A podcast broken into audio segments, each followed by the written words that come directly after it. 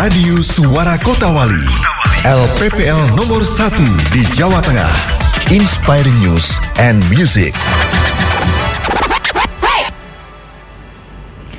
Assalamualaikum warahmatullahi wabarakatuh Mitra Suara Kota Wali Selamat siang Bincang siang kembali hadir kali ini bersama dengan dokter dari RSUD Sunan Kalijaga di mana siang hari ini kita akan membahas seputar imunisasi pada anak. Nah, di studio kali ini sudah hadir narasumber yang luar biasa di tengah kesibukannya yang padat ya. Sudah hadir bersama dengan saya Dokter Katarina Rini Pratiwi spesialis anak. Selamat siang, dokter. Selamat siang, Mbak Oke. Mira. Selamat siang, para pendengar radio Suara Kota Wali yang setia dengan Halo Dokter. Iya. Em, Ibu ini saya panggilnya Ibu Rini atau Rini, Rini, Oke, Ibu Rini ya. Dokter Rini. ya, betul. Jadi eh, perta- eh, langsung kita ke tema ya. Baik, baik. Apa sih imunisasi, dokter yang pertama kali mungkin eh, masyarakat masih awam terhadap apa itu imunisasi? Ya, baik. Terima kasih Mbak Mira. Memang kita harus eh, mengerti bahwa imunisasi adalah upaya untuk memberikan kekebalan kepada seseorang baik itu pasif maupun aktif untuk mencegah penyakit-penyakit yang bisa dicegah dengan imunisasi. Oke. Prosesnya seperti apa, dokter? prosesnya ya. Jadi biasanya disuntikkan antigen, ya antigen. Antigen itu bisa berasal dari virus, bakteri hidup atau mati ataupun proses rekombinan. Dan kemudian eh, beberapa saat tubuh akan membuat kekebalan sehingga seseorang apabila suatu ketika kemasukan virus atau kuman tersebut dia akan menjadi kebal. Oke, bakteri hidup dan mati. Ya, Perlu dijelaskan mungkin, Baik dokter. ya. Jadi eh, imunisasi yang ada itu ada terdiri dari beberapa beberapa bentuk ya. Ada yang bentuknya terbuat dari vaksin bakteri atau virus yang hidup, misalnya bakteri hidup misalnya BCG. Kemudian virus hidup misalnya polio, campak atau mungkin MMR, varicella atau mungkin yang disebut dengan yellow fever itu juga terbuat dari virus hidup. Nah, untuk yang vaksin inaktif itu seperti DPT ya yang biasa diteri- diterima oleh anak-anak kita, kemudian eh, vaksin untuk radang paru atau PCV, kemudian HIV, tifoid. Kalau zaman dulu ada kolera ya, zaman dulu ya, Oh iya, sekarang sudah iya. tidak ada. kemudian influenza, hepatitis B, polio vaksin yang dalam bentuk injeksi itu juga dari vaksin inaktif ya dan hepatitis A. Jadi yang aktif dengan yang hidup kita perlu mengerti inaktif dan yang hidup atau yang mati kita perlu mengerti untuk apa untuk tahu eh, kira-kira kapan kita boleh memberikan vaksin lagi atau jarak vaksin yang satu dengan vaksin yang lain itu yang untuk masyarakat ketahui. Jadi tidak bisa misalnya Hari ini anak didatang dengan imunisasi polio ya diberikan oleh dokter atau nakes diberikan imunisasi polio kemudian satu minggu dia minta BCG tidak bisa Tidak bisa ya? tidak bisa karena poli- polio terbuat dari eh, virus yang Hidup. hidup tapi dilemahkan Mhm. BCG juga demikian dari bak- bakteri yang hidup tapi dilemahkan jadi jaraknya adalah empat minggu Empat minggu. ya Oke. Kemudian eh, bagaimana awal mulanya sehingga program vaksinasi ini atau imunisasi ini dicanangkan? Ya, baik. Jadi awalnya pasti ada penyakit yang yang membuat masyarakat menjadi resah karena apa? Karena penularannya tinggi ya, ting- tinggi. Dulu contohnya Indonesia aja. Indonesia itu ada wabah kolera. Hmm. Pada tahun berapa ya itu saya masih koas tuh wabah kolera yang cepat sekali. Masuk kemudian sur sur sur sur, sur, sur ya. Cepat sekali untuk apa untuk bisa menjadikan seorang anak dehidrasi berat dan kemudian meninggal dunia. Nah, setelah ada vaksinnya, maka anak-anak divaksin kolera sehingga um, seperti Covid sekarang ini, kasus kolera lambat laun menurun dan kita tidak ingin lihat lagi penyakit itu sekarang karena ngeri sekali. Jadi anak berak seperti leri, Menakutkan. sampai susuran, nah seperti itu ya. Demikian juga untuk eh, beberapa vaksin yang ada, seperti misalnya TBC. Hmm. beberapa tahun yang lalu, tapi sampai sekarang juga masih nih ya Mbak Mira ya. Iya. Itu kasus tuberkulosis sangat tinggi juga. Ya apalagi di tempat-tempat di mana sosial ekonomi rendah, nutrisinya jelek, higiena sanitasi jelek, maka penyakit tuberkulosis itu dengan cepat berkembang dan merajalela. Kemudian ada ditemukanlah vaksin BCG, BCG. ya, vaksin BCG dan ternyata bisa mampu membendung laju TBC.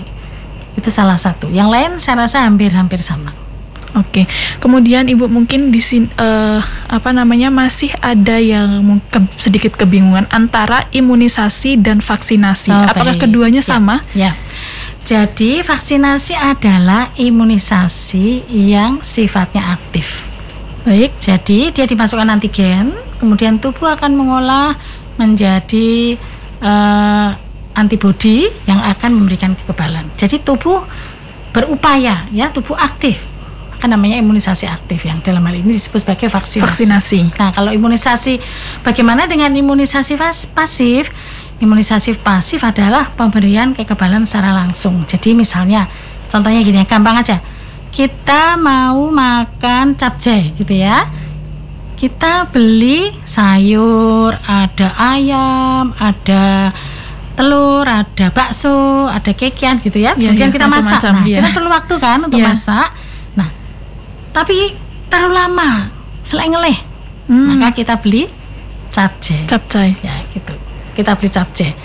Maka kita langsung makan capcay. Itulah imunisasi pasif. Tapi sekali lagi, imunisasi yang pasif seperti misalnya uang dua uang 20.000 ribu kita belikan capcay yang langsung jadi jangan beli sayuran seharga 20.000 ribu Hmm. pasti jumlahnya lebih banyak yang 20 yang sayur-sayur dan lain-lain Iya. kita masak sendiri sama imunisasi juga demikian imunisasi yang pasif itu memang langsung memberikan perlindungan tapi dia akan cepat hilang maka biasanya dia harus dilambari dengan imunisasi yang aktif atau vaksinasi Oke. seperti itu Kemudian eh, apa saja untuk imunisasi dosis lengkap, dokter? Baik.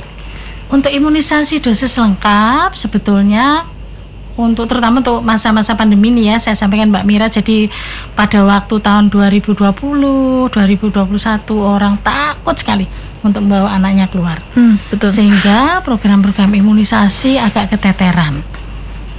Banyak yang tidak terlaksana ya. Banyak yang tidak terlaksana.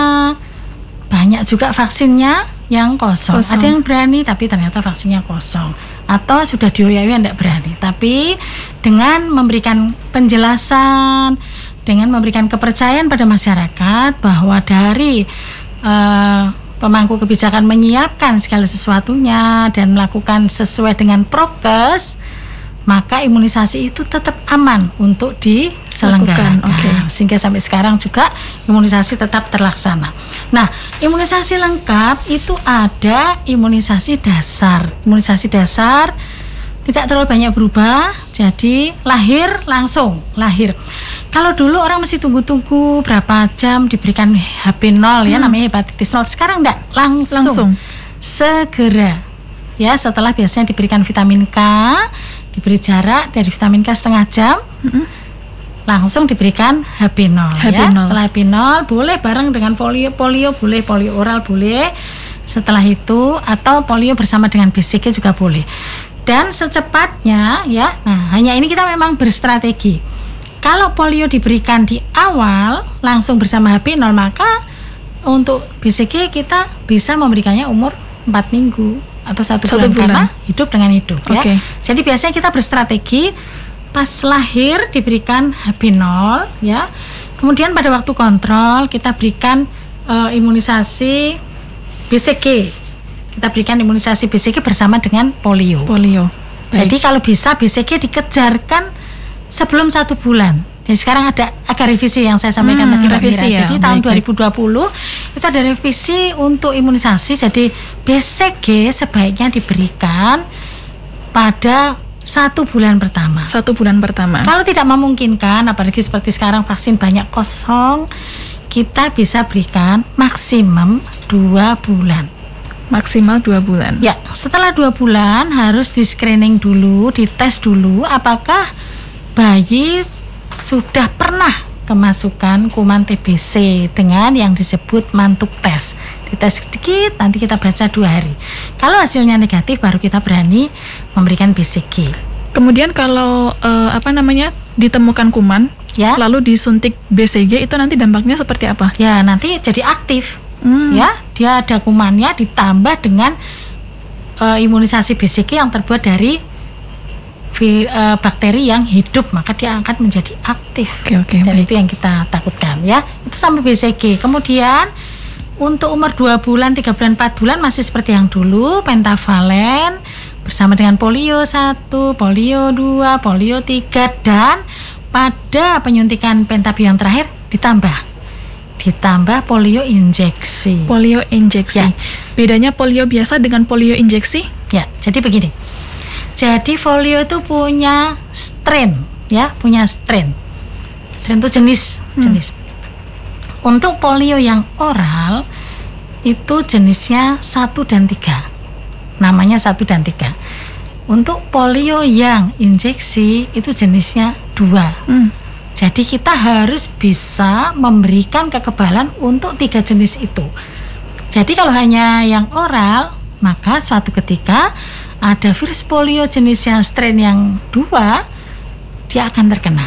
Nah, revisinya Mbak Mira, untuk polio injeksi, tolong teman-teman memberikan dua kali Dua kali polio injeksi. Dua kali dengan jarak 4 minggu. Kalau satu kali dari penelitian, anak masih bisa kemasukan strain 2. Jadi diberikan dua kali dengan Dua jarak kali. 4 minggu. Titip untuk teman-teman nakes, teman-teman sewa dokter juga kalau membelikan IPV jangan hanya sekali bersama dengan polio oral dan pentabio tapi mintalah datang satu kali lagi dengan jarak 4 minggu. Empat minggu. Karena ini akan memberikan kekebalan yang lebih Yang lebih, lebih maksimal. Oke, dapat menangkal Ya, eh, dapat menangkal virus Nah, polio virus. ya. Nah, Kemudian- yang terakhir yang 9 bulan itu MR ya. Sekarang kan tidak hanya campak Oh ya, iya, mm-mm. tapi campak dan rubella, Rubella. ya itu merupakan suatu kombinasi. Itu imunisasi dasarnya. Tapi ada lagi sama dengan kita di di Covid sekarang. Ya. Ada vaksinasi Satu, satu, dua. dua booster. Booster. Nah, imunisasi anak juga harus nih untuk memberikan kekebalan maksimal, yaitu pada umur 18 bulan Ya. anak di booster dua vaksin, yaitu pentabio ya atau pentavalen bersama dengan eh, polio boleh dan diberikan MR. Untuk pemberiannya bagaimana? Mau bareng boleh, tidak apa-apa. Silahkan kanan kiri oke. Yang penting orang tuanya mantep, yang nyuntik juga mantep. Jadi nggak harus datang lagi nih, karena kan sekarang kalau bisa jangan banyak keluar lah Iya, anak saya iya, betul. boleh. Di kiri ada MR, di kanan ada pentabio bisa, tidak apa-apa. Dan dan dari apa efek sampingnya tidak ada. Tidak ada Panas efek biasa, samping. seperti biasa. Oke. Ya. Kemudian tadi demikian. Kemudian tadi di awal disebutkan eh, yang begitu bayi baru lahir diberikan imunisasi HB0. Ya. Nah, itu tadi mungkin bisa dijelaskan Iya. eh, tujuannya untuk apa? Ya, ya. Jadi untuk memberikan kekebalan supaya seorang anak terhindar dari penyakit hepatitis B. Karena kita tahu bahwa kalau bayi sampai terkena hepatitis B, dampaknya bukan hanya pada saat itu, tapi beberapa tahun kemudian. Beberapa tahun Dia akan kemudian. mengalami kronisitas yang berat, bahkan lebih berat dari dewasa. Maka kita berikan bukan hanya satu kali, tapi kita berikan sebanyak empat kali bersama kali. dengan DPT dan HIB. HIB, Ya, oke. Bersama dengan DPT dan HIB.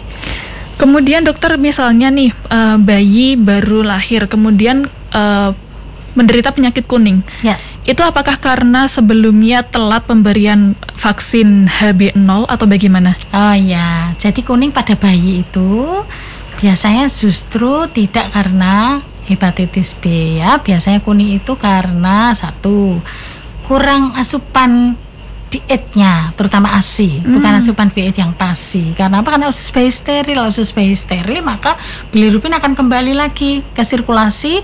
Jadi dia akan e, membentuk bilirubin yang tidak larut dalam air. Bilirubin itulah yang membuat menjadi kuning. Kuning. atau infeksi infeksi juga bisa infeksi itu sel darah merahnya pecah semua Hmm. sel darah merah yang pecah itu merupakan bahan baku untuk terbentuknya zat kuning atau bilirubin. Bilirubin. Jadi Sehingga bayi-bayi biasanya kita terapi dengan sinar kalau memang terindikasikan untuk itu dan hasilnya baik.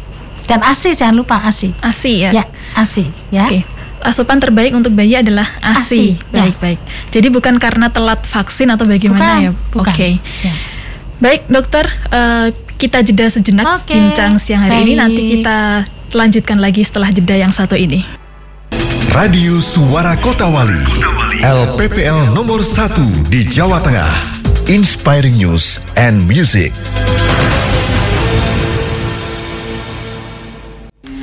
Kembali lagi di 104.8 FM Suara Kota Wali, LPPL terbaik di Jawa Tengah masih di Bincang Siang.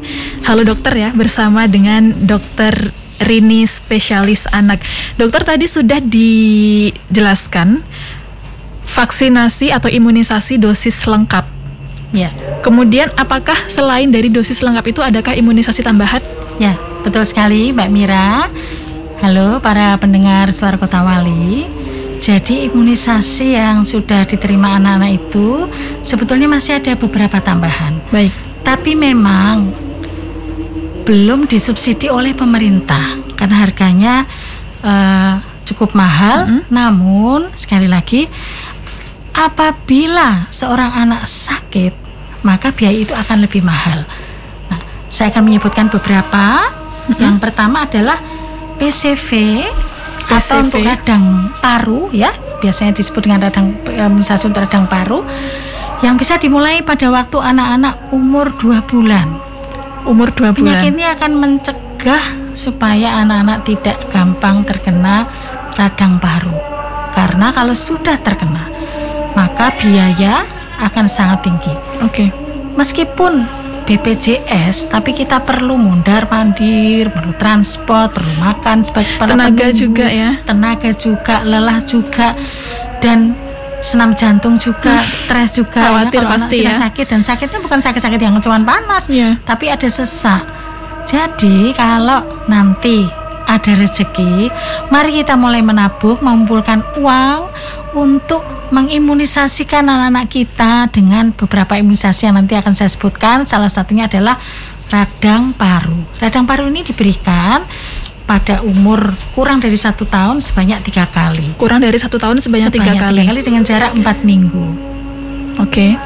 Ya, kira-kira demikian. Yang kedua ada rotavirus. Nah, rotavirus ini adalah salah satu penyebab diare yang terbanyak. 60% diare pada anak-anak kita adalah karena virus rota atau disebutkan rotavirus. Dan ini ada vaksinnya, Mbak Mira. Oke. Sebenarnya kita cukup senang ya ada vaksinnya. Dan vaksin rotavirus diberikan kalau bisa mulai umur 6 minggu. Hanya dua kali, hanya dua kali memberikannya dengan jarak 4 minggu. Tapi kalau bisa sebelum umur 6 bulan. Karena setelah umur Sebelum- 6 bulan anak sudah ada makanan tambahan, sudah main, sudah ini sudah kemasukan dari luar, sudah tubuh sudah membentuk kekebalan dengan sendirinya. Oke. Jadi imunisasi itu kalau bisa kalau ada kesempatan mari diimunisasikan. Mari diimunisasikan. Berikutnya adalah influenza. Nah, ini penting sekali. Influenza, saya sering dengar kalau ini. Ya, influenza diberikan paling cepat pada umur 6 bulan. Paling cepat pada Ya, umur 6 bulan. Dan diberikan untuk awal-awal diberikan dua kali dengan jarak 4 minggu. Oke. Ini revisi juga kalau dulu ternyata eh, masih kurang memberikan kekebalan pada waktu hanya diberikan satu kali diulang tiap tahun. Sekarang dengan diberikan dua kali dengan jarak empat minggu dan ada pengulangan setiap tahun maka angka perlindungannya akan jauh-jauh lebih besar. Oke, baik baik. Selanjutnya ada cacar air, kemudian MMR, MMR itu gondong, kemudian rubella dan campak ya MMR. Jadi ini juga bisa membantu MMR ini. Semisal vaksin MR kosong, ini banyak kosong sekarang. MMR bisa diberikan mulai umur satu tahun. Jadi MR kalau belum yang yang belum MR monggo boleh MMR umur satu tahun tapi sekali lagi belum masuk subsidi ya. Belum Jadi masuk harus, subsidi. Harus tetap. Mengeluarkan Ya. biaya sendiri. Tapi Ya, itu tapi jangan sampai anak-anak kita kena campak, ya, kasihan. itu lebih efektif daripada kita mengeluarkan biaya pada saat sudah terkena penyakitnya. Betul, sudah saat terkena penyakit. Baik. Ada lagi eh, imunisasi tif- tifoid ada loh mbak. Tifoid. ternyata ada. Tifoid itu apa dokter? Tifoid itu imunisasi untuk mencegah eh, kalau orang awam bilang tifus ya. Oh, tifus. Ya, untuk mencegah tifus diberikan eh, pada umur di atas satu tahun ya, satu tahun diulang diulang tiap tiga tahun. Diulang setiap Ya, tiga tahun. nggak terlalu sulit kan sebetulnya. Ada yang disebut dengan hepatitis A juga. Hepatitis A. Tidak hanya B ya? Tidak hanya B, hepatitis A. Hepatitis A sama. Hepatitis A juga diberikan pertama kali umur satu tahun ya, umur satu tahun diberikan dua kali dengan jarak enam bulan. Oke. Karena hepatitis A ini seperti diare. Tapi dia ada kuningnya juga. Lebih Ya, bukan jadi diare biasa diare. berarti. Bukan, bukan, mirip diare. Anu apa apa namanya? Penularannya seperti Hmm. diare, tapi gejala-gejalanya panas, kuning, seperti sakit kuning lah. Hmm. Sama tapi penularannya mirip diare karena memerlukan higiene sanitasi yang bagus. Oke. Nah, ja- yang eh, pemilis- pendengar harus tahu juga adalah pada saat anak-anak kita diimunisasi, kita memang berekspektasi tinggi, berharap kalau sudah imunisasi anak saya nggak sakit. Aman gitu ya. Aman, nggak sakit, gitu ya. Nah, tapi ini ada ada apa ya? Pengertian yang lebih luas. Artinya, kalau kita mengimunisasikan anak-anak, harapan kita semoga betul-betul anak-anak tidak sakit uh, penyakit yang diimunisasikan tadi. Namun, seandainya sakit, paling tidak tidak sampai menimbulkan kecacatan, apalagi kematian. Tidak sampai sakit berat. Meminimalisir dampak. Man- betul, Oke. meminimalisir dampak dan uh, tetap uh, menjaga kualitas hidup si anak. Gitu. Baik, Ya, demi masa yang- depan si anak juga ya. Betul, betul. Jadi sebagai orang tua harus apa? aware dengan eh, kepentingan anaknya begitu. Betul, betul. Kemudian dokter, tadi kan eh, imunisasi kan tidak bisa diberikan apa di waktu yang random. Ya. Begitu. Ada waktu-waktu tertentu yang itu harus dipatuhi begitu. Nah, tapi ini bolehkah imunisasi itu dilakukan tidak sesuai dengan jadwal? Ya. Jadi kalau harapan kami hal itu tidak dilakukan dengan sengaja ya. Artinya ala wis pokoknya rapopo lah wong rapopo. Ya kok rak wis nanti aja. Sehat gini anaknya gitu ya. Nanti aja lah. Soalnya nih mama baru ada acara loh. Nanti kalau dia habis imunisasi panas gimana? Lo kan kita mau pergi ya tidak boleh. Oke. Jadi kalau itu di luar kemampuan kita, sebagai contoh, misalnya si anak harus pergi mengikuti orang tuanya di luar pulau yang jauh, yang terpelosok, di mana tenaga kesehatan atau fasilitas kesehatan juga belum terlalu banyak, imunisasi juga mungkin satu dua kali, bahkan kadang-kadang tidak ada, atau seperti sekarang ini, di mana imunisasi juga banyak yang langka, banyak yang kosong, kita mesti nunggu dijadwalkan. Hal-hal yang seperti itu tetap aman apabila vaksin itu ada dan anak langsung diimunisasi dengan jarak berapapun. Jadi tidak usah khawatir para orang tua untuk tetap datang tidak dimarahi, tidak apa-apa, santai aja datang. Yang penting semboyan kita adalah lebih baik terlambat daripada Tidak sama sekali. sama sekali. Baik. betul. Jadi tetap bisa melakukan imunisasi meskipun eh, sudah terlewat waktunya begitu ya dokter ya. ya. Baik. Nah berarti v- vaksinasi atau imunisasi ini diberikan rata-rata eh, ketika anak berusia kurang dari satu tahun. Sebaiknya sudah lengkap pada saat anak berumur kurang dari satu Kurang tahun. dari satu tahun berarti dapat diartikan bahwa anak-anak atau para bayi itu memiliki eh, sangat rentan begitu terhadap masuknya virus. Ya, ya karena jadi bayi-bayi itu ada berbeda dengan dewasa ya. Untuk kekebalannya masih juga belum matang. Apalagi bayi-bayi yang lahir prematur, bayi dengan berat lahir rendah, pasti imunnya rendah, tidak sebaik orang dewasa. Oleh karena itu dia akan sangat-sangat rawan terhadap sumber-sumber penularan. Apakah itu bakteri ataupun virus. Sehingga dia perlu disangoni ibaratnya ya. Kita kadang-kadang memberi sangu anak, -anak kita, dia juga kita beri sangu kekebalan yaitu imunisasi. Baik. Dan pemerintah sudah bagus sekali kalau dalam perkembangannya ya dulu hmm?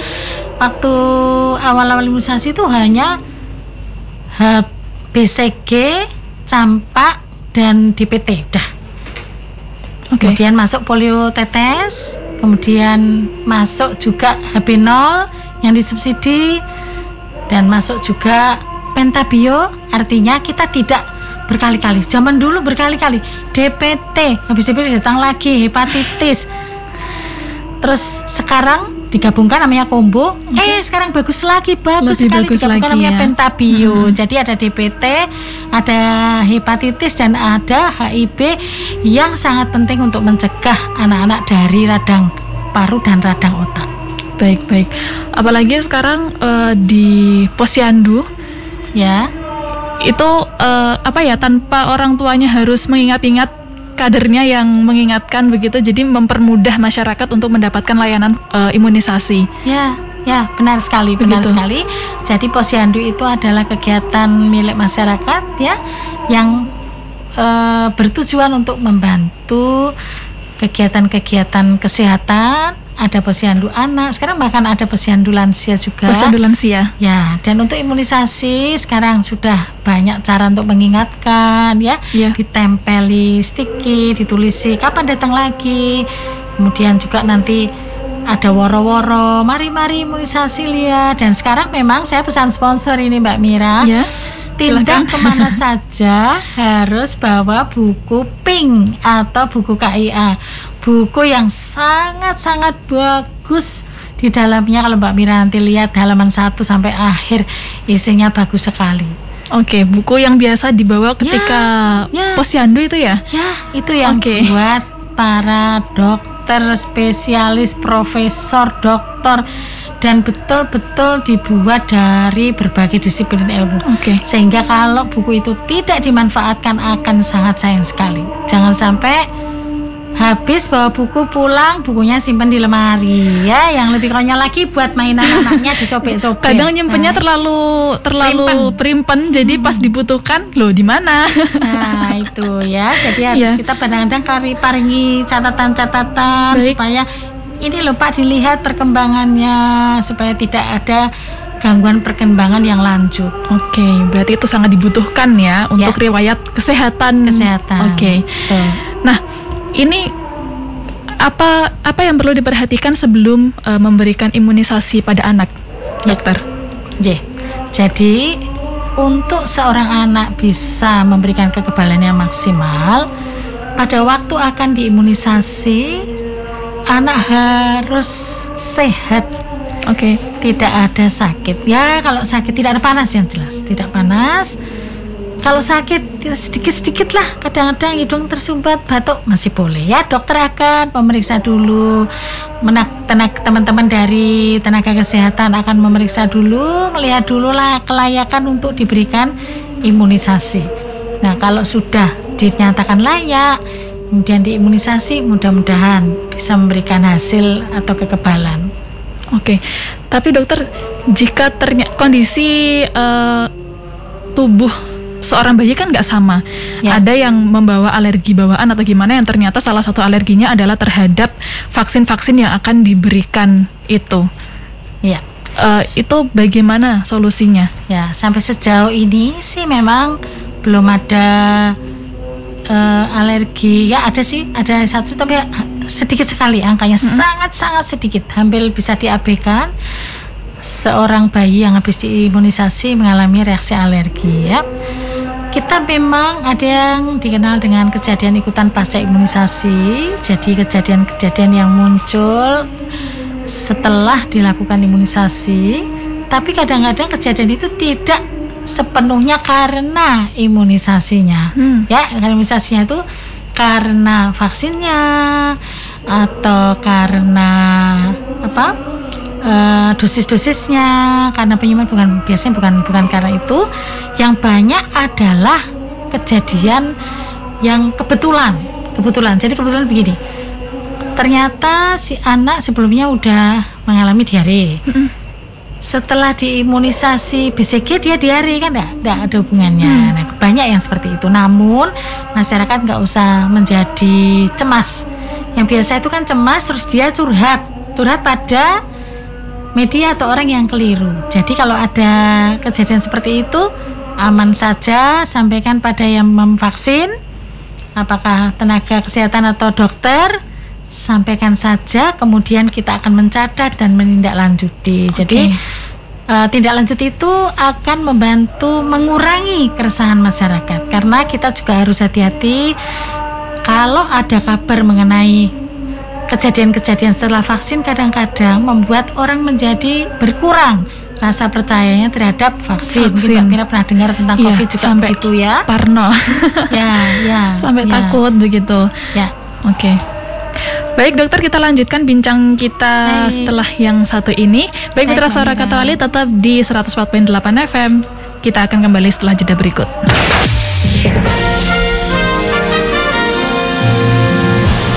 Radio Suara Kota Wali, LPPL nomor 1 di Jawa Tengah.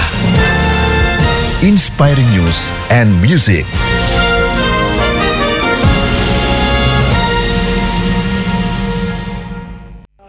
Kembali lagi di Bincang Siang Mitra Suara Kota Wali, kita masih membahas seputar imunisasi pada anak. Nah, dokter, ini segmen ketiga waktunya singkat akan ya, tetapi ya, masih ada beberapa poin yang akan saya ya. tanyakan begitu. Tadi sempat disinggung mengenai imunisasi kombo. Mungkin ya. bisa lebih dijelaskan lagi karena mungkin masyarakat masih awam dengan imunisasi yang satu ini. Ya, baik terima kasih Mbak Mira. Jadi sekarang ini kita harus bersyukur sekali kepada pemerintah bahwa pemerintah mengusahakan concern terhadap kesehatan anak dan mengusahakan yang sebaik-baiknya dulu imunisasi itu seorang anak harus datang belasan kali hmm. ya sebagai contoh misalnya imunisasi hepatitis B itu kita datang sekitar 3-4 kali kemudian ditambah DPT tiga hmm. kali tujuh kali ditambah lagi imunisasi HIV tiga kali berarti kita akan datang berkali-kali. Nah, sekarang sudah dibuat sebaik-baiknya, digabungkan menjadi satu.